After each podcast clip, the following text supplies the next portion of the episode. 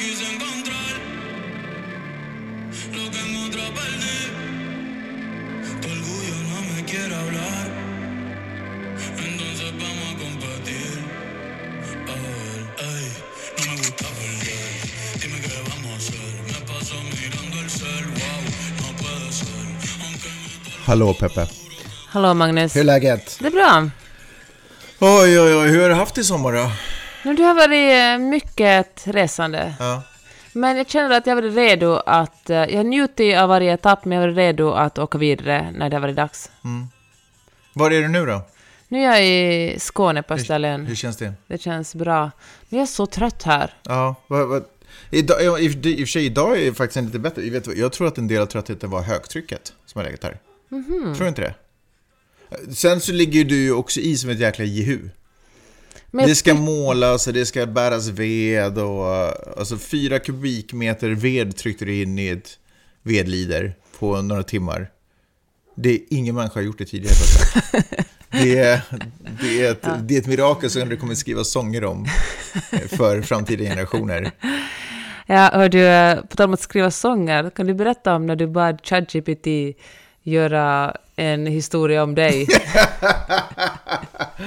Nej men det finns ju, det finns ju några legender om, eh, om mig. Eh, Jag, har, jag har ju eh, identifierat några stordåd som jag själv har gjort. Och så tänkte jag vad roligt det skulle vara om ChatGPT kunde liksom eh, skriva om dem i så här hjälte, så här folklore eh, grej, eller liksom eh, vibe. Så då gjorde den det. Ska jag läsa någonting? Nej tack, men tackar som frågar. Men jag kan, jag kan läsa lite. Okej, okej, okej. Nej men det var faktiskt ganska roligt. Det stod mig bara Magnus att, eh, inte för att vara den som generaliserar, men det är en typiskt manlig egenskap. Att, använda eh, ChatGPT och skriva folklore men som att sig själv. Snacka om sig själv när man utför stordåd. Jag tänker så att kvinnor liksom Vet Jag- du, räddar barn med vänster hand när de är ute och simmar och medan män verkligen vet du, hittar en strumpa de har tappat bort och så ber de... vänta vadå, kvinnor räddar barn med vänsterhanden när de är ute och simmar? Nej men typ så här, ett barn håller på att drunkna, man sträcker upp vänster hand och rör upp det, medan män när de hittar något de har letat efter så skriver de en, en historia om det och gör sig själv till Alltså, Gud vad du förminskar mina hjältedåd. Det, det var inte så att det här handlar om den gången jag hittade en strumpa. Jag har Nej. verkligen... Eh, det har varit situationer då jag är sådär, hur fan gjorde du det där? Okej, men läs då. Okej. Det här är på engelska nu då, som jag bad. Alltså det blev bara så, skitsamma. Eh, så här kommer lite sådär spännande bakgrundsmusik också. Är ni med? Once upon a time, in a world brimming with ordinary moments, there lived a man named Magnus Silvenius Öhman, whose extraordinary deeds became the stuff of legends. Born of Diana Liljefors Silvenius and Ola Silvenius, Magnus possessed, uh, possessed a spirit that soared above mundane. Legend has it that on a fateful day outside the enchanting Carousel restaurant i Brunnsparken, Helsinki, Magnus displayed unrivaled might. With a gathering crowd, he effortlessly lifted an anchor forged from solid iron, a feat that seemed impossible to others. His sheer strength left onlookers awestruck, forever etching his name into the annals of folklore. Och så fortsätter det. Det är, det är många stora deeds. Vill du nämna kort utan att jag så högt vilka andra storverk du har gjort? Eh, nej, men jag tänker att det här kan bli en följetong i podden. Att jag läser upp en... jag För att få folk att lyssna, för att få folk att fortsätta lyssna liksom. så ser det här som en cliffhanger. Hörni, hjärtligt välkomna till podcasten som heter Magnus och Peppes podcast. En liten podcast eh, där vi pratar om stora och små händelser i världen, apparently. Och så gör vi det ur ett feministiskt, journalistiskt och lite folklorigt eh, sätt. Eh, idag så, eller vi är ju på liksom semester inom citationstecken. Eh, så det här, den här podden spelas in liksom live. Så det kommer inte bli några jinglar och eh, avslappnade avbryt. Så ni får helt enkelt trycka på paus och ni måste andas eh, ut. För jag förstår att ni sitter och håller andan för vad vi ska prata om. Peppe, eh, jag skulle ändå bara, det hör ju lite till kutym att fråga hur det går med din bok. Men just nu går det ganska bra faktiskt. Mm. Jag Gick det inte det nyss eller? Nej men vet du vad, jag insåg efteråt att det var otroligt jobbigt att stiga upp på morgonen klockan sex och skriva innan alla andra vaknar. Men måste man skriva upp klockan sex då? Nej men jag är så... Skriva upp klockan sex? Nej, men när ska jag annars göra det? På Resten av dagen måste jag ju... Nej, då måste jag kolla på TV-serier.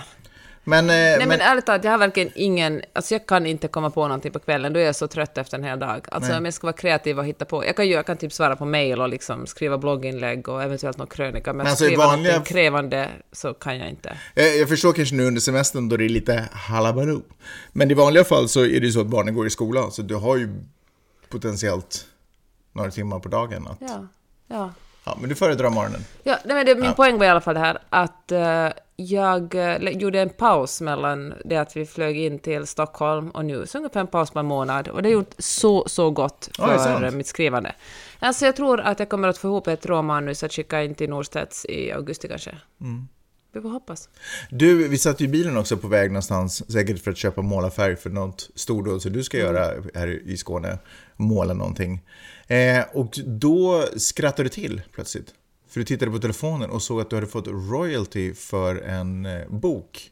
ja, just det. Alltså min bästa bok är ju den som handlar om Kim. Ja. En barnbok i fem historier. Alltså jag vet inte om du som lyssnar på det har missat det, men Peppa har alltså skrivit en, eh, en barnbok som handlar om, Kim och monster på toaletten som heter den. Kim, ja. Och som, det, det är alltid från myror i örat, historier om myran i örat.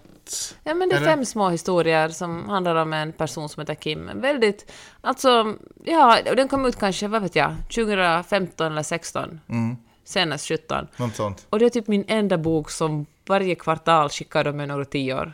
Euro alltså. Ja. Varför får du inte royalties från, royalties från dina andra böcker?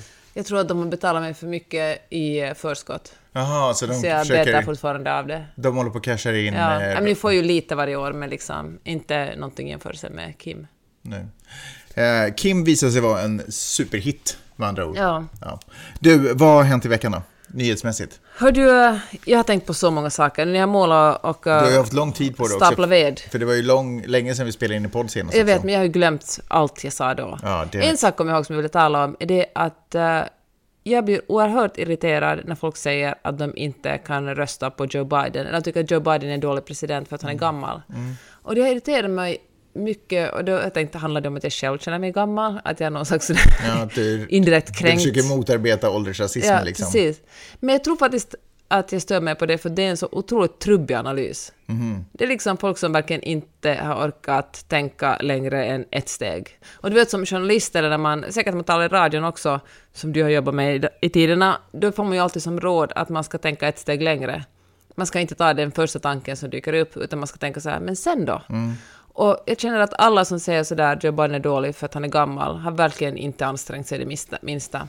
För Vad, hade du hoppats på för att, vad ska jag säga då, Nej, men för analys? alltså, jag håller ju med att han är ju gammal, han är ju för gammal, men om man tittar på vad han har gjort rent objektivt så har han ju fått otroligt mycket gjort. Alltså supermycket för klimatet, alltså elbil, infra, infrastruktur, han har gett en massa äh, vad heter, rurala områden internet, han håller på att jobba på att, eh, att eh, släppa folk fria från studielån. Visserligen jobbar Högsta domstolen emot honom, men det sägs att han ska klara av det ändå. Han har sänkt priserna på diabetesmedicin jättemycket. Alltså i USA är det ju verkligen de som är sva- eh, svagast och har minst pengar som alltid är de som trampas på också. Så det kanske är alla länder, vad vet jag, men i USA är det extremt så. Så han har verkligen eh, varit mycket mer progressiv än Obama någonsin var. Så att, eh, och Men- plus att ekonomin går jättebra. Alltså inflationen är 3% i USA och lönerna har stigit i medeltal med 4%. Så alltså ekonomin går ganska bra, eller jättebra. Och det försöker han nu lansera som heter Bidenomics. Och eh, det här är roligt för att eh, Bidenomics är ju någonting som eh, Republikanerna har använt sig av. För Republikanerna, alltså partierna vill ju alltid kritisera varandra på basen av ekonomin. Och då har Republikanerna varit så att allt går åt helvete, inflationen är jättehög och det är Bidenomics. Det är lite som när de talar om eh, eh, Let's go Brandon. Och, eh, så de har talat om Bidenomics. Men Let's go Brandon, som betyder ju typ Fuck you Biden, det tog Biden back tillbaka och började tala om Dark Brandon när han gjorde någonting. Men det kommer du väl ihåg, det har vi talat om den här podden. Ja, Så han skojar mycket om Dark Brandon. Okej. Och, eh, och nu har han tagit Bidenomics tillbaka, där han eh, säger att han satsar mycket på de svagaste. Han ska jämna ut inkomstklyftorna. För, och det är ganska smart eftersom vad han än gör så kommer republikanerna ändå att kritisera honom för ekonomin. Han kan liksom inte undgå den. Mm. Så då är det väl lika bra att äga ekonomin och säga okej, okay, Bidenomics, allt är kanske inte perfekt, men jag har gjort det här och det här och det här. Kolla på inflationen till exempel, det Mm. går jättebra. Men förutom inflationen så är alltså, eh, missförstå mig rätt, men de här sakerna, de här stordåden som du menar att han hade genomfört, Mm. de är ju ändå ganska nischade. Alltså internet till folk, alltså det, jag vet inte, det, ja, det är ju förstås fruktansvärt, eller jobbigt om man inte har internet förstås, men det känns liksom för den gemene man, amerikanen, har ju internet. Så jag tänker att det kanske inte slår igenom som ett stordåd för den personen. Och Nej. de flesta har ju inte heller diabetes, även för att det är ett stort problem i USA. Alltså, förstår du vad jag menar? Att det är liksom... Fast grejen är det, Magnus, att de som inte har internet, det är folk som bor ute på landsbygden som kanske vanligtvis röstar republikanskt. Mm. Och det är de som Biden hjälper nu. Alltså, det är ju jättesmart av honom om man är bara supercynisk, att hjälpa de som har det svårast. Eller kanske de som, jag antar att folk är mer sjuka också ruralt ute på landet än i städerna, killgissar jag nu här. Och det är ju smart av honom också, man vill att de ska rösta på honom. Men vad skulle vara en så stor grej att det, att det liksom, som du skulle acceptera som, inte som ett stordåd då? Ja, nej men alltså det som ändå... Förutom att lyfta ett jättetungt ankare då. det som ändå Obama lyckades göra, det var ju att eh, ändå dra på sig Nobels fredspris. Nej men det är kanske inte en politisk... Nej, jag eh, förstår att det inte är en politisk, men det skapar ju ett skimmer och en glans runt honom Mm. som gör att man får lite, eh, man får ju lite superhero-vibes Mm. av honom. Eh, Biden har ju inte, vad jag, alltså, inget av det lista var stora liksom eh, globala, alltså så här, eh, vad heter det, alltså diplomatiska, du vet han, eh, okej, så Obama gjorde också den här dealen med Iran. Eh, för att liksom, eh, de skulle sluta göra kärnvapen eller sluta Jag tänker att det borde vara något utrikespolitiskt. Nej, men men amerikaner är väl ganska ointresserade av utrikespolitik Någonting som känns så här som en stor ledare i världen. Liksom, Men att du försvara? Taiwan då, det har han ju varit väldigt tydlig med att Jo, jag vet, fast att han har, Taiwan. han har ju inte behövt göra det Nej. än. Liksom. Jag tänker, och, och till exempel i kriget i Ukraina, så visserligen så har han ju alltid varit på den sidan där man vill göra så mycket som möjligt. Mm. Men han har ju inte direkt klivit fram som en, en eh, stark ledare och sätter ner foten mot... Alltså, jag vet inte, förstår du vad jag menar? Alltså en mer sån här... Som Trump lite Som presidenterna var för, inte bara Trump, utan liksom Clinton och alla presidenter har varit för. De har varit ganska starka. Det, det har ju varit deras time to shine Vad när, gjorde Clinton då? när det är krigstider. Eller George Bush, Bush alltså Bush. Gå, i- Bush, Bush gå in i Irak, tänkte du? Att det skulle vara en, ett tecken på styrka? Eh, det är väl ett tecken på att på st- då, Men då, okej, man, han- man försöker ta scenen i de här. Det, det har ju varit de tillfällena som... Men att ta USA ur Afghanistan då, det är väl en sån grej du tänker ja, men på? det var ju också kaos. Det var ju inte... det gick Men Irak då, det var ju superkaos. Nej, men vadå? När de skulle lämna, när de skulle lämna Afghanistan? Det Ja. var ju katastrof. Det var ju fruktansvärt. Det var ju katastrof, men jag menar att Irak var ju också en katastrof. Jo, fast nu pratar jag inte om de skulle lämna, alltså, nu pratar jag inte om de lämnar Irak, jag pratar om liksom bara eh, presidenters, historiska eh, presidenter genom historiens chans att... Jag förstår vad du menar. att profilera jag, sig jag i förstår vad samband du med en menar, men det är ju konflikt. otroligt ologiskt det du säger. Men jag Varför för, för att Irak var ju ett katastrof. De hade ju aldrig massförstörelsevapen. Det de, att Jo, men han Irak kunde ju framgå- på liksom. Jo, men det visste vi ju inte vid det ögonblicket som tv-tittare.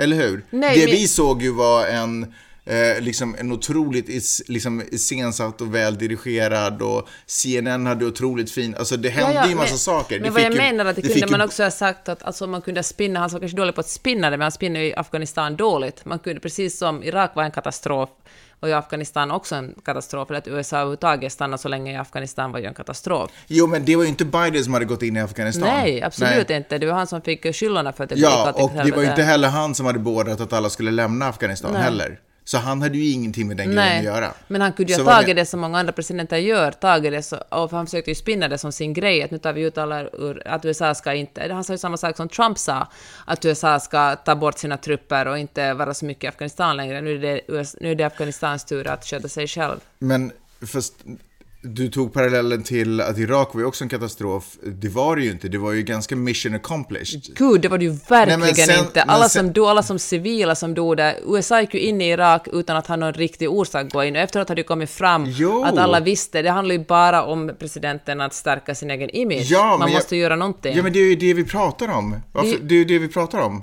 Varför är det så? Alltså det är ju det, vi- exakt det vi pratar om. Att använda en konflikt för att stärka sin egen image. Det har inte Biden gjort. Mm. Varken i- nu i Ukraina, med konflikten i Ukraina, eller kriget mot Jag Ukraina. kan bara inte säga hur det är en bra sak att göra så. Därför att jag tror att det skulle få folk att känna mer sådär att, jag, att inte säga saker som att jag kan inte rösta på honom för han verkar gammal. Därför att han ägnar sig åt, alltså de, de Men kanske han bryr sig om människoliv på Jo, jag seriöst. vet. Jag förstår. Men då kanske man ändå också måste inse att vara president är också ett visst skådespel för att Fast han har ju vunnit presidenten en gång och han, det har gått jättebra för Demokraterna. Nu har han jättelåg, jättelåga siffror. Ja, men att, det är eh, inte det vi pratar om. Just Ja, men vad, menar, han, var, var, vad han hade kunnat göra för att stärka sina siffror ja, det här vet du, ärligt talat, om, om man mest- kollar på siffrorna just nu så skulle han ju vinna överlägset över Trump de skulle ställa upp i Ja, presidentvalet. fast det, så, det trodde vi också när Hillary stod mot Trump. Mm. Så det kanske jag inte litar supermycket på. Jag bara menar att det är ganska underligt att de inte har spunnit de här Mm. konflikterna till hans fördel när alla krig genom alla tider, åtminstone initialt, har varit till presidentens fördel. Mm. Det har ju liksom enat typ folket nästan alltid. Men det är så, jag vill nästan gråta när du säger det där, för det är så otroligt cyniskt att vi är liksom besvikna på den demokratiska presidenten av att han inte startat ett krig för att stärka eller säkra sin eget, sitt eget omval. Ja, men han är ju typ den enda som inte har gjort det. Varför har inte han gjort det? Varför är inte han mån om att hålla för sig att- stark? Kanske för att han har varit politiker i 50 år och inte tror på det. Kanske han på riktigt inte är där. Som, alltså för att bli president i USA måste man ju ha någon slags narcissistiskt drag. Man måste ju, måste ju tycka att man är lite bättre än alla andra människor. Mm. Jag tror till och med Obama sa det i en intervju, att man måste, det måste vara lite fel på en. Fan vet jag, kanske, kanske Biden inte har det och det här är ett tecken på det. Kanske han bara är så grund och botten politiker att han tror på att han kan göra någonting gott för landet. Eller kanske han bara är gammal.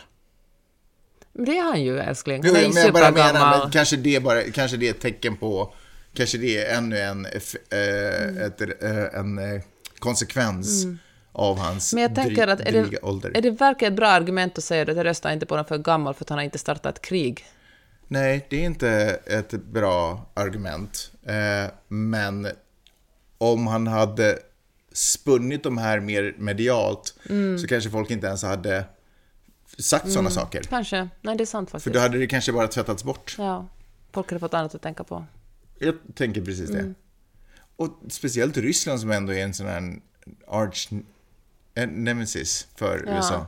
Nu har ju USA budgeterat super, super mycket pengar för ett, eh, för ett krig Mm. just i år. Och eh, så att, vem vet, kanske han gör det. Kanske blir tredje världskriget 2023, 2024. Mm. Det, det vill man inte ha. Nej, Alltså, jag men menar alltså jag bara att- Mm. skämtar inte, jag säger inte här bara, men så är det alltså. I, I statsbudgeten nu finns det jätte, jätte, alltså USA har ju världens största militärbudget annars också, Mm. men nu är det extra mycket pengar. Så att jag tror verkligen att, att det kanske han gör, kanske det är du som spinner Biden. Mm. kanske, kanske det blir USA och Ryssland och Biden då vinner presidentvalet delvis tack vare det. Du, eh, vilket egentligen leder oss till USAs nästa arch nemesis, nämligen Kina. Just det. Du hade, läst, du hade, du hade sett någonting?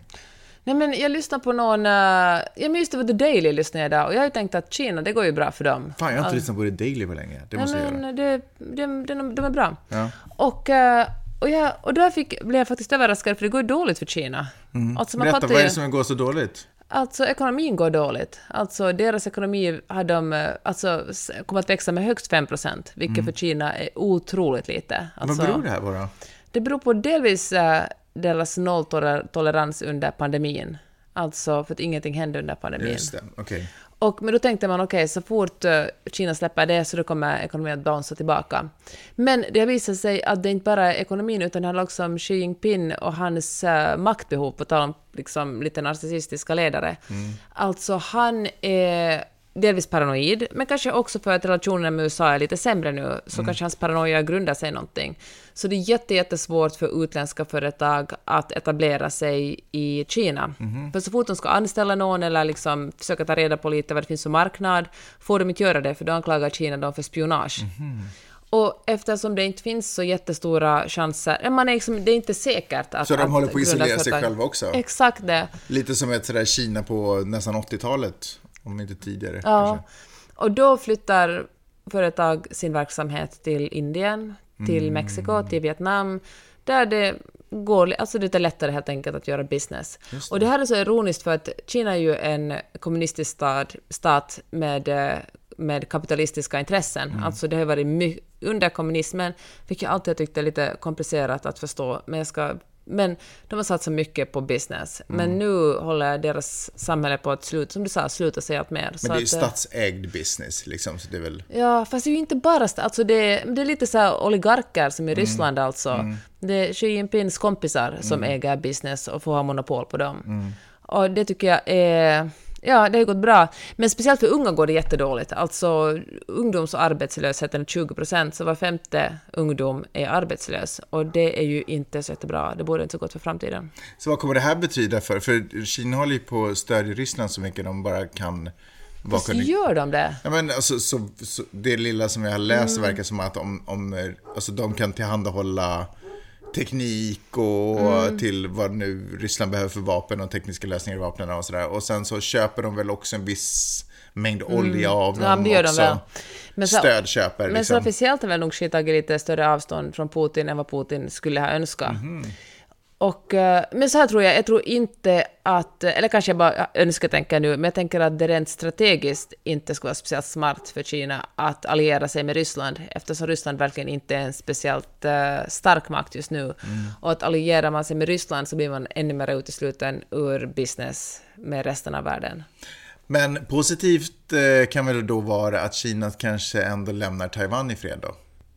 Ja, man får hoppas. Att de kanske inte Ja. liksom upplever sig egentligen ha råd med den risken Nej. att, att eh, även fast de skulle... i ännu större krockel med USA. Ja, eller västvärlden överhuvudtaget. Att de bara, det kanske bara inte är värt det för dem just nu om de försöker få saker och ting att Mm. eldas på lite. Hade det varit en blomstrande ekonomi, som man kanske nästan har typ trott att det är i Kina. Verkligen. Om jag ska vara helt ärlig. Det finns ing, de, jag tycker inte de skickar några signaler på att det ska gå dåligt. Men jag undrar om det beror på också att man pratar så mycket om TikTok och att det går så bra för TikTok. Och då blir det på något sätt som att... Symboliserade Kina liksom. Ja, att det går nästan, att då tänker man att det går bra för Kina. Ja. Eh, och då tänker man, om det går asbra för Kina, då tänker man att då är ju Taiwan rökt. Alltså, Ja, för då har de ju verkligen. världens självförtroende och alltihopa, då kommer de bara gå in. Och det finns ingenting som någon annan kan göra någonting Nej. åt.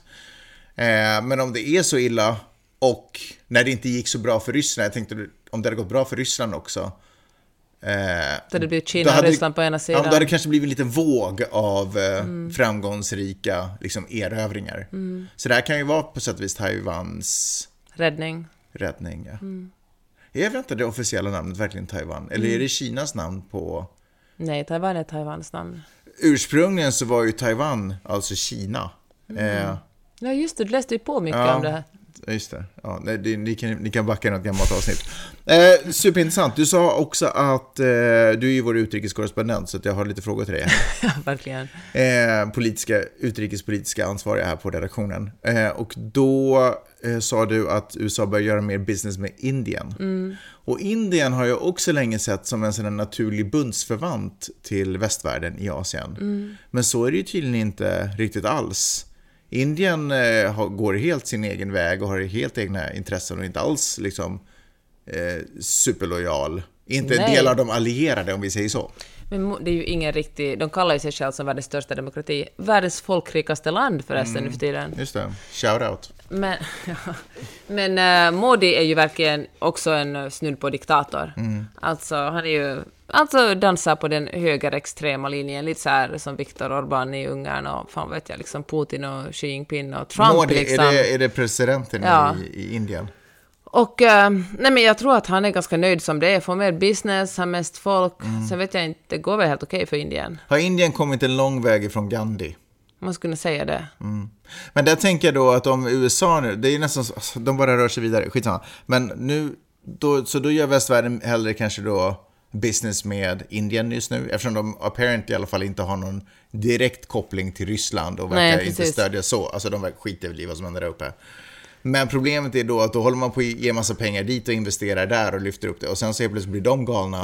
Och s- då är man liksom i samma situation The igen. circle of life, Magnus. Nej men alltså kan vi bara, vet du, vad, vet du hur lätt man skulle bryta det här? sluta hitta länder som gör skit gratis. Eh, för att tjäna Betala så mycket pengar för sina själv. egna grejer. utan betala för egna, betala vad saker kostar. Ja, verkligen. Då skulle vi slippa den här jakten på liksom, billigare länder som Mm. kan göra skitprodukter åt oss. Verkligen. Får jag säga ännu en kort sak om Nej, för där är vår tid slut. Tack så mycket för att ni har lyssnat. Nej, men i höst ska det vara ett eh, sånt möte, ett alliansmöte i Sydafrika, som jag nu inte kommer ihåg vad de heter, typ så här BIC-länderna eller något sånt. Förlåt, jag kommer inte ihåg det. Men dit Ryssland är bjuden och Sydafrika hostar. Men grejen är ju den att Putin är ju på global nivå, alltså några internationella, inte Interpol, men kanske Interpol, jag har ju efterlyst. Jag har igen för, det. ja, För krigsbrott liksom. för krigsbrott och speciellt för att han har tagit ukrainska barn. Och, eh, det- Inte personligen hoppas jag. Nej, vad vet jag. Men, och det sätter ju uh, Sydafrika i en lite besvärlig ställning för mm. att de ska ha det här mötet. Men om Putin kommer dit så måste de arrestera honom, annars blir alla andra länder arga på honom, för de mm. uppfyller liksom inte det man har kommit överens om. Och Putin gillar ju det här. Så Sydafrika... Vi alltså sådär, kanske inte kan... borde prata om det här, för det kanske har varit en fälla och nu så håller vi på att avslöja alltihopa. Folk bara, Putin bara, wait! What? Harasho! Wow, wow, wow, wow, wow, De bara, det kommer serveras vodka. Han bara, ah jag tror att det är en fälla. Nej men, eh, men de är, men Sydafrika, alltså, så de, de, de, Sydafrika så här, men hörni, eh, kan vi sköta det här över Zoom då? Men Ryssland är sådär, nope, vi kommer. Och Sydafrika så här, men kan ni skicka liksom Lavrov, alltså utrikesministern, eller, liksom- eller kan vi, kan, en delegation liksom? Och Putin bara, no, no, jag kommer. Ja, det är sant. Ja, så det ska bli Men superspännande. han kommer så inte bli arresterad i Sydafrika, det kommer inte gå. Antagligen inte, men eh, det, det är ju inte så bra för Sydafrika. Men jag har ens funderat på vilken flygrutt han- Jag tror inte liksom ryska plan får flyga över internationellt. Han kanske bilar ner. Nej men alltså han måste ju åka värsta omvägen typ över Kina och inte vet jag Men Kina är säkert okej med honom. Ja, jag menar det. Men alltså hur ska han kunna komma? Får zigzacka sig. han, han får inte åka över Europa tror Fast jag den inte. afrikanska kontinenten borde vara ganska Jo, jag vet, men du vet att Ryssland? Ryssland är inte riktigt direkt grannland med Afrika. Nej. Det är en hel del nationer Ja, däremellan. vi får kolla världskartan och räkna ut det. Ja, han har det inte lätt nu, Putin. Han borde aldrig ha gjort det där. Kan man få gå tillbaka? Det, sammanfattar du det här? Ja, han borde aldrig ha gått in i... Kommer du ihåg hur overkligt vi upplevde att det var när de Ja. höll på att rada upp folk längs med gränsen? Och jag säger det, alltså jag sa det, inte då, verkligen inte då, för jag var lika tagen på sängen då. Men nu, om jag skulle få vara efterklok, tänk om FN eller något, whatever, hade ställt styrkor på ukrainska gränsen då, på NATO. andra sidan. NATO, ja, nej, det hade inte varit så bra idé. Fast egentligen hade det inte varit så dålig idé heller, Nej. men men vad skulle de in i Ukraina göra? Det blir jättekonstigt. Men FNs säkerhetsstyrkor, fredsbevarande trupper, hade ställts där. Det, alltså, alltså man borde ha ställt folk där, men man tänkte att han aldrig skulle... Inte ens Anna-Lena Laurén sa att han skulle göra det. Och då vet vi att då, då kändes det jävligt otippat. Ja. Nej, det var inte typ en ukrainare som trodde det heller. Nej. Alltså, det? Förutom- Det var en ukrainare, generalen i den ukrainska armén som inte ville ta, han ville inte chansa. Så han, eh, han förberedde ju värsta mottagandet för Ryssland. Kommer du ihåg den där, eh, har vi pratat om det i podden? Nej, men med varandra tror jag pratade Ja, om men det. den här konvojen, som Mm. när jag tittade på nyheterna, så var så här, okej nu är det en lång rysk konvoj på väg in, in till Kiev. Ja. Eh, och sen bara, ja nu har den stannat på grund av typ, inte fan vet jag, typ soppatorsk eller whatever, Mm. liksom sådär. Och nu står den här skitlänge och man bara, åh nej, hur ska det gå? Vad konstigt. Och gud vad lite så här larvigt det blev på något sätt. Men tydligen var det så att anledningen till att stanna var ju för att den här generalen hade ju förberett eh, en massa krypskyttar längs med hela, alltså så här bakhåll längs med hela den här vägen. Sen när de väl började komma, och det, var ju, och det här var på tiden då ingen trodde att Ryssland skulle gå in. Han hade inte ens sagt det här till sin egen stab, utan han hade bara i hemlighet förberett det här. Och sen hade han också i sista sekunden sprängt typ den egna flygplatsen så att ryssarna inte skulle kunna göra så här tokat. Så det var ryska plan på väg in som var tvungna att vända om för att de liksom, då hade de kunnat landsatt eh, massvis med människor, om man säger landsätta med flyg. Ja, så big ups till den generalen. Honom borde ChatGPT skriva en... eh, En, eh, ja, ja, okej, den, hans hjältehistorier smäller kanske aningen annorlunda. De klingar annorlunda i historien. Hörde? På tal om det, jag hörde en intervju med eh, Robert F. Kennedy. Mm. Och nu tänker du kanske, oh, Kennedy, det, var ju, det är ju en en trevlig... Alltså, Släkt. Ja, alltså klär sig snyggt och Ja, presidentkandidater, slutar tragiskt. ledsamma livsöden Ja. då? Men, äh, ja, verkligen, många av dem. Men äh, Robert F Kennedy, han ställer upp som, äh, som en kandidat för Demokraterna, Mm. utmanar Joe Biden. Är han typ någon sån här syskon, kusin, barn, typ någonting sånt? Ja, men typ, men jag tror att han är typ, äh, att John F Kennedy kanske hans, äh, hans gamla alltså- farbror, farbror, Ja, men det känns farbror. som superavlägset. Det, det, Inte superavlägset alltså, men... Men Ja. inte, inte direkt, men typ så att han är... Vad heter det om, man är någons, om någons farbror är John F Kennedy? Eh, då heter det... Brors Woho! barn. Jag tror jag det heter faktiskt.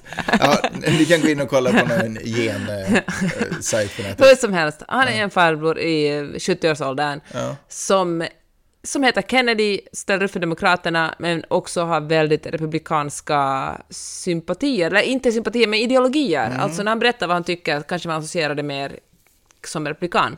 Och jag lyssnade, The New Yorker hade en, eh, en jätteintressant intervju med honom, där de bland annat frågade honom vad skulle han ha gjort med, eh, för han tycker inte att USA ska finnas i Ukraina och inte försvara Ukraina. Och han förstår Putin, säger han. Han menar att Putin bara ville ha det som är hans, att det är inte några konstigheter alls. Och så frågar intervjuaren honom, men vad, borde, vad skulle du ha gjort då liksom? Att skulle du bara ha låtit honom ta Ukraina? Och då sa, gav han ett typ ett svar som Donald Trump gav, att nej, nej, jag skulle ha förhandlat Jag skulle förhandla med Putin och då skulle han ha lagt sig ner och bestämt sig för att krig är en dålig idé. Det är ju exakt det svar som Trump också gav. Typ, ja. Men, och nu kan man ju vara så att herregud, vad är det här för en dåre? Men inte nog med det, han är ju extrem antivaxare också. Han tror att vaccin ger autism, han tror inte på liksom covid-vaccinet. Han, eh, han har verkligen skapat sig en eh, stor följning på basen av sitt, sin, eh, ja, men sina konspirationsteorier. Han tror också att det är FBI som, som, som sköt både hans pappa och hans farbror. Att det, det var liksom en, han kan inte förklara varför de ville skjuta dem, men han vet att det är en konspirationsteori och han sa att han har alla bevis för det. Alltså han är verkligen en knäppgök. Det Han är en sån här, en Men skjuter... har han verkligen mycket följare eller har han bara ett namn som gör att han får utrymme i media? Men grejen är att han har ganska mycket följare. Han har liksom sådär mellan 20 och 10 procent, säger jag spontant, att de skulle rösta på honom. Ja. Men det som du säger, att han har namnet, och jag tror att det här är liksom folk som inte riktigt, som bara känner igen Kennedy och tänker Mm. att fan, Joe Biden är gammal, Trump är galen, här är någon som heter Kennedy, hur illa kan det vara? Mm. Men så fort man börjar liksom läsa lite eller lyssna på honom så fattar man ju att det här är någon som är helt koko alltså. Mhm. Men, äh, så, men just nu så går det, än så länge går det ganska bra för honom. Men han kan ju inte vara en seriös kandidat till eh, president. Alltså, för honom President själv är han det. Ja, ja, ja, men det kan ju han helst. men liksom rent objektivt, nej, när folk fattar liksom, när han börjar, när man hör honom säga fem meningar förstår man ju att han är helt koko. Men är han liksom Demokraternas svar på Trump, typ, eller? Ja, ja, Fast utan stjärnstatus. men han säger ju egentligen så här att, att ja, han är ju, ja det säger han. Han säger ju också, vilket ganska, han säger sådär att han tycker att politiker är eliten och de är för privilegierade, vilket ju också är lite ironiskt om man heter Kennedy i efternamn och kommer från en väldigt rik släkt. Han är ju, har ju verkligen skäl till dem. Men han är, ja. Sen är han också, alltså han, är, han, är, han är jurist eller advokat och har jobbat för klimat och miljöfrågor. Det är också så att han har liksom, han har ju den, det kan ju låta ju vettigt och bra, men så finns det ju den här helt galna sidan i honom som inte tror på fakta. Men jobbar ändå som advokat med miljöfrågor. Ja, Ja, ja, men vet du, ingen är perfekt. Eh, Men det, jag tycker det är intressant det där med att du säger att han är, det- du beskriver honom som en demokrat, fast han låter ju som en republikan. Ja. Egentligen. Eller så här koko-republikan som man hittar någonstans i Floridas träskmarker. Eh, Men, eh, så jag tycker det är intressant, för det, så, liksom, jag tycker, jag vet, jag vet inte om det är ty- typiskt för tiden är, men eh, typiskt för tiden vi lever i, men jag tycker ändå att jag känner igen den där viben av att man tillskriver sig ett politiskt parti men sen så beter man sig nästan diametralt motsatt. Ja, Eller man beter sig verkligen. Man klistrar motsatt. på liksom en lapp och sen... Ja, och så tror man att bara, bara för att man har skrivit sig till ett parti så alla åsikter man har fall, alin, alin, eller vad heter det? Align with, alltså Mm. Eh, med, med det partiet. När man de facto kan vara liksom, egentligen inte alls borde vara med Nej. i det partiet för man är ju Ens uppenbarligen... ideologi är ja. någon helt annanstans. Och då tänkte jag, för att jag har tittat, eller sådär, när man läser tidningarna i Sverige, så tittar jag lite mycket på, eller så tittar jag en del på vad eh, regeringen gör här nu.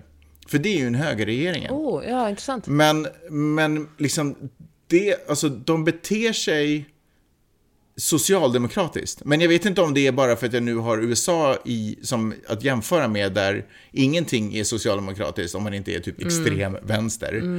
Medan i Sverige så är nästan ingenting höger om man inte är extremhöger och resten är typ socialdemokratiskt. Men jag tycker det är så intressant för att jag har, åtminstone min bild när jag var yngre var att det var så tydligt. Det var liksom, om man ska hårdra det så ville vänsterblocket med Socialdemokraterna obviously i ledning och de få gånger som de hade ensam makt så var det ju förstås liksom höja skatter för att man ska kunna ta hand om välfärden och folkhemmet mm. och allt sånt. Samtidigt som Moderaterna tyckte att nej, sänk skatter, gör det enklare för företag, på så sätt driver vi upp ekonomin och alla får jobba.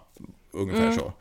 Medan nu är det som att liksom hela det här högerblocket jobbar liksom social, fast, socialdemokratiskt, fast de är inkompetenta i det, för det är egentligen inte deras historia, så de vet egentligen inte vad de pysslar med när de ska försöka bygga upp landsting och delegera pengar till, eh, du mm. vet, för de har ju ändå mycket press på sig att eh, gamla har det dåligt och alltihopa, så de försöker delegera pengar, men det sker liksom bara på ett jävligt dåligt sätt. Jag tycker det är intressant att de, det är superspännande de faktiskt. claimar sig som höger men beter sig otroligt dålig, men, som en dålig vänster. Handlar det om det att liksom höger-vänster-skalan verkligen är förlegad? Det har vi talat om ganska länge. Att, uh, det men det hade väl också om att det är så polariserat och det är så mycket känslor som de här politikerna måste, alltså folks, väljarnas känslor måste nu plötsligt politikerna mm. ta hand om. Förut var det liksom konkreta problem. Mm, och nu är det min nu är det inte ja. bara det problemet jag har, utan det är också min uppfattning om ja. hur det problemet, Men, vad det problemet är. Då slänger jag nu in Sverigedemokraterna och Sannfinländarna, för de är väl ganska typiska partier som man tänker de är höger, men mm. samtidigt är deras frågor väldigt mycket ta hand om äldre, så länge det är svenska äldre och ta hand om miljön så länge det... Alltså, de ja, är... Kanske Samfinländarna, men det är ju Sverigedemokraterna. Det är ju bara skit de har klistrat på i efterhand. Alltså, det, de har ju försökt lösa Sveriges alla problem med att stänga gränserna. Mm. Att det liksom, de är ju en, e- egentligen, de är ju som Miljöpartiet var, alltså det är ju ett enpartiprogram. Sen har de liksom, för att bli lite mainstream, så har de klistrat på lite andra epitet som mm. de har snott lite från Kristdemokraterna och de har snott lite dittan och datten. Men de är ju egentligen en ett håll Sverige svenskt parti. Mm. Det är ju det enda de är intresserade av. Men är det höger eller vänster då? Ja, men det är ju också ganska roligt, för i Sverige så uppfattas det som en extrem höger. Jo men, jo, men det är ju en höger förresten. Fast det finns ju partier i Europa som är vänster som står för exakt samma... Fast nu tror jag att jag blandar ihop med huruvida man skulle vara med i EU eller inte. För det kunde vara liksom en högerfråga och en vänsterfråga. Men eh, egentligen så är det väl en Ja, det, ja, det är intressant. Svårt. Så jag tänker att rasism, det har, mm. det har ju inte hemma någonstans. Liksom. Det, det skulle aldrig vara, rasism ska ju aldrig vara en, är ju inte en politisk ideologi. Det skulle Nej. inte finnas någonstans med.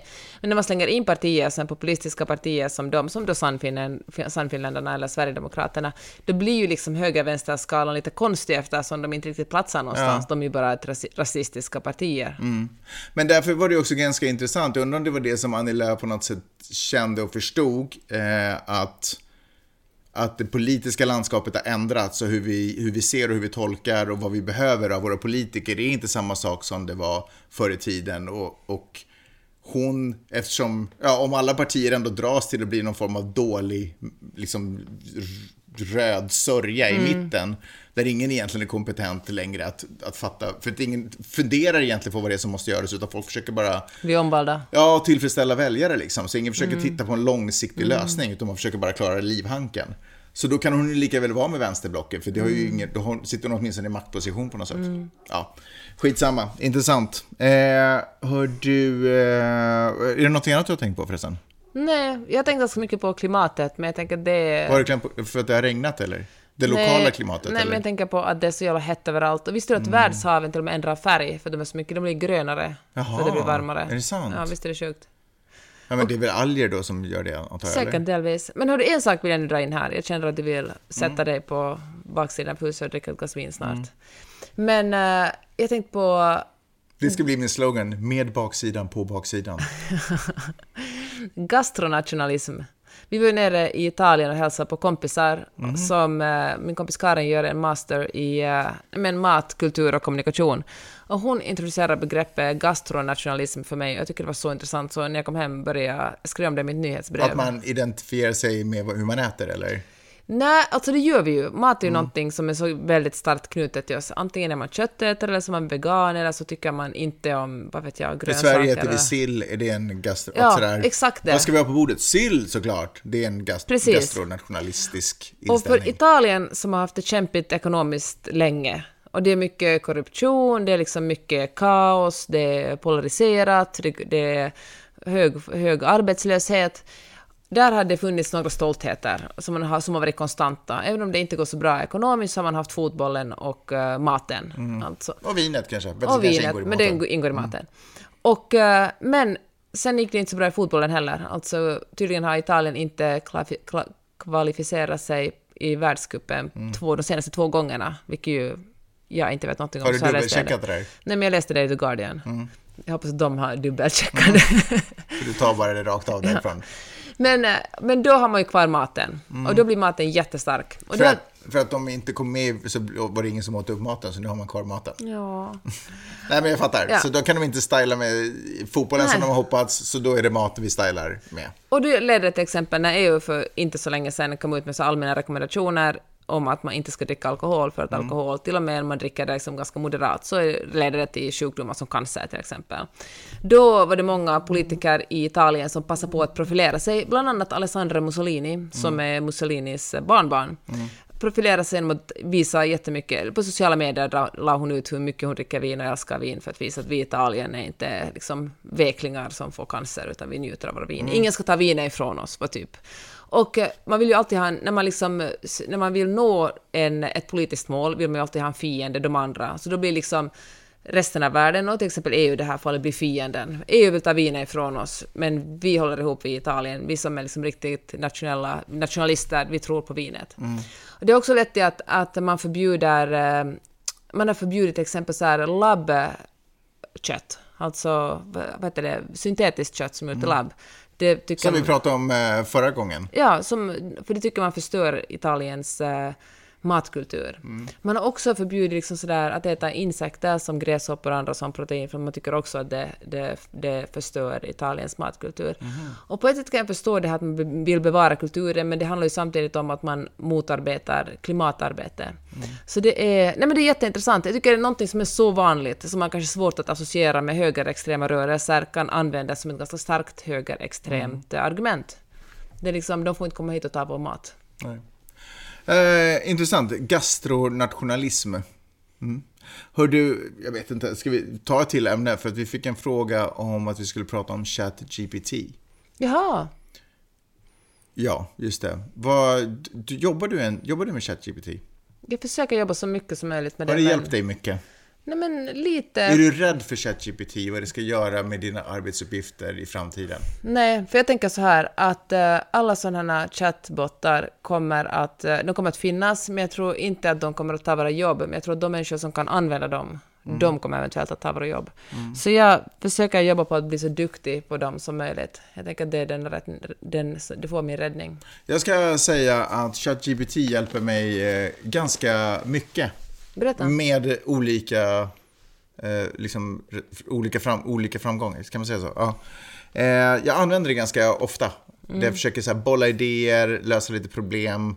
Jag använder det som liksom, ett bollplank och en assistent. Och det är, handlar ju väldigt mycket om, eh, precis som du sa, att lära sig. Det är ju som, det är som att man har fått en hammare, men ingen har förklarat vad man gör med den. Så att man tar upp den och så försöker man bara liksom hitta hur jag kan få bäst liksom, effekt med den. Och förr eller senare så bara, vänta, om jag slår in en spik så är det ju skitenkelt, så låt mig göra det. Och så upplever jag också ChatGPT, att jag jobbar väldigt sådär mycket det för att hitta exakt hur jag kan få ut mest av den. Tycker du du är bra på det? Eh, Jag tycker att jag blir bättre och jag tycker att jag också börjar lära mig och börjar få en så intuition, intuitiv känsla för dess begränsning. Eh, och det är ju viktigt att veta så att, eh, så att man inte dunkar huvudet i väggen. Eh, ja. Så jag tycker att det är, jag tycker det är så jäkla coolt. Eh, och ett, alltså, wow, när liksom man bara kan börja använda det som ett second nature. Hur otroligt mycket som man kan få gjort och hur mycket kreativitet som bara kan eh, proppas ut. Ett sätt om man till exempel är superhård i magen. Det är att eh, sjukhuspersonalen stoppa in fingret och dra ut den första pluppen och då kommer liksom resten efter. Åh, herregud. Och det, det är samma sak där. Du vet, folk som sitter med skrivkramp eller folk som sitter med kreativ kramp eller liknande. Hur ChatGPT kan vara den här lilla... Och så kan det bara forsa massa underbara saker ur människan. Jag tycker att Eller det bajs. Jag tycker att det är ascoolt. Och det är precis som du säger. Det är det som kommer göra att det kanske blir mer konkurrens på vissa områden Mm. och vissa människor kommer kunna ta över för att de kommer inte det kommer inte finnas en kreativ block. Eh, den kommer vara lättare att lösa upp Mm. och folk som är snabba på att ta den kommer säkert ha en, en marknadsfördel. Ja, så det är bara att öva på det. Jag Ja, verkligen. Jag lyssnar på, Lek med det jättemycket, så mycket ni hinner. Det är superkul. jag lyssnar på Hard Fork som är New York Times eh, vad ska jag, teknikpodd. Som talar, Men i praktiken talar de om AI och ChatGPT varje vecka. Och då fick de, hade de en så här typisk sommarpodd när de har bett om lyssnarnas frågor och så spelade de in det på förhand. Och då hade de fått en fråga om hur mycket ChatGPT påverkar energiförbruk. Du vet sådär att när man minar ja, ja, bitcoin. just det. Bitcoin Ja. är en jättestor, alltså... Tjuv. Ja, alltså fy fan vad äckligt bitcoin är. Och, eh, men det är ju inte helt uh, okomplicerat att streama en massa grejer hela tiden. Alltså Netflix är också en klimatbov. Men ChatGPT är tydligen inte det. Nej. För det räcker med att man ställer en fråga en gång och då samlar den in den informationen och sen har den det. Och sen kan den använda sig av det. Så det Sverige fick där är att man behöver liksom inte ha jättedåligt klimatsamvete när man leker med ChatGPT. Ehm, säg några saker som du har använt ChatGPT till fram, någorlunda framgångsrikt. Mm, nej men typ vi har planerat workshop på Friday Lab. Aldrig så att jag ska fått ett helt perfekt program, men jag har fått inspiration och, och grund där. Ehm, det har jag använt. eh, idéer, när jag skriver en roman, tänker jag vara sådär, en 50-årig kvinna, ge några alternativ på hur hon, hur hon skulle reagera i en sån situation. Det har jag använt det på till. Uh, så jag använder det som översättning. Så, som, eh, när jag, just det, när jag, det använde jag, alltså, får jag bara säga att jag var ganska tidig på det här.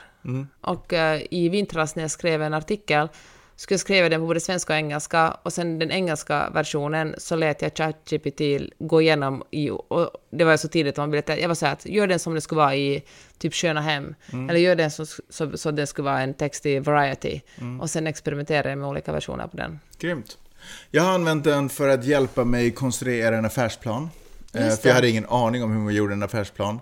Så jag använde den för att få liksom ett skelett som jag liksom kunde jobba med, typ. Eh, och jag har använt den eh, för att bolla... Eh, vänta, jag har också använt den för att få inspiration till struktur för olika program.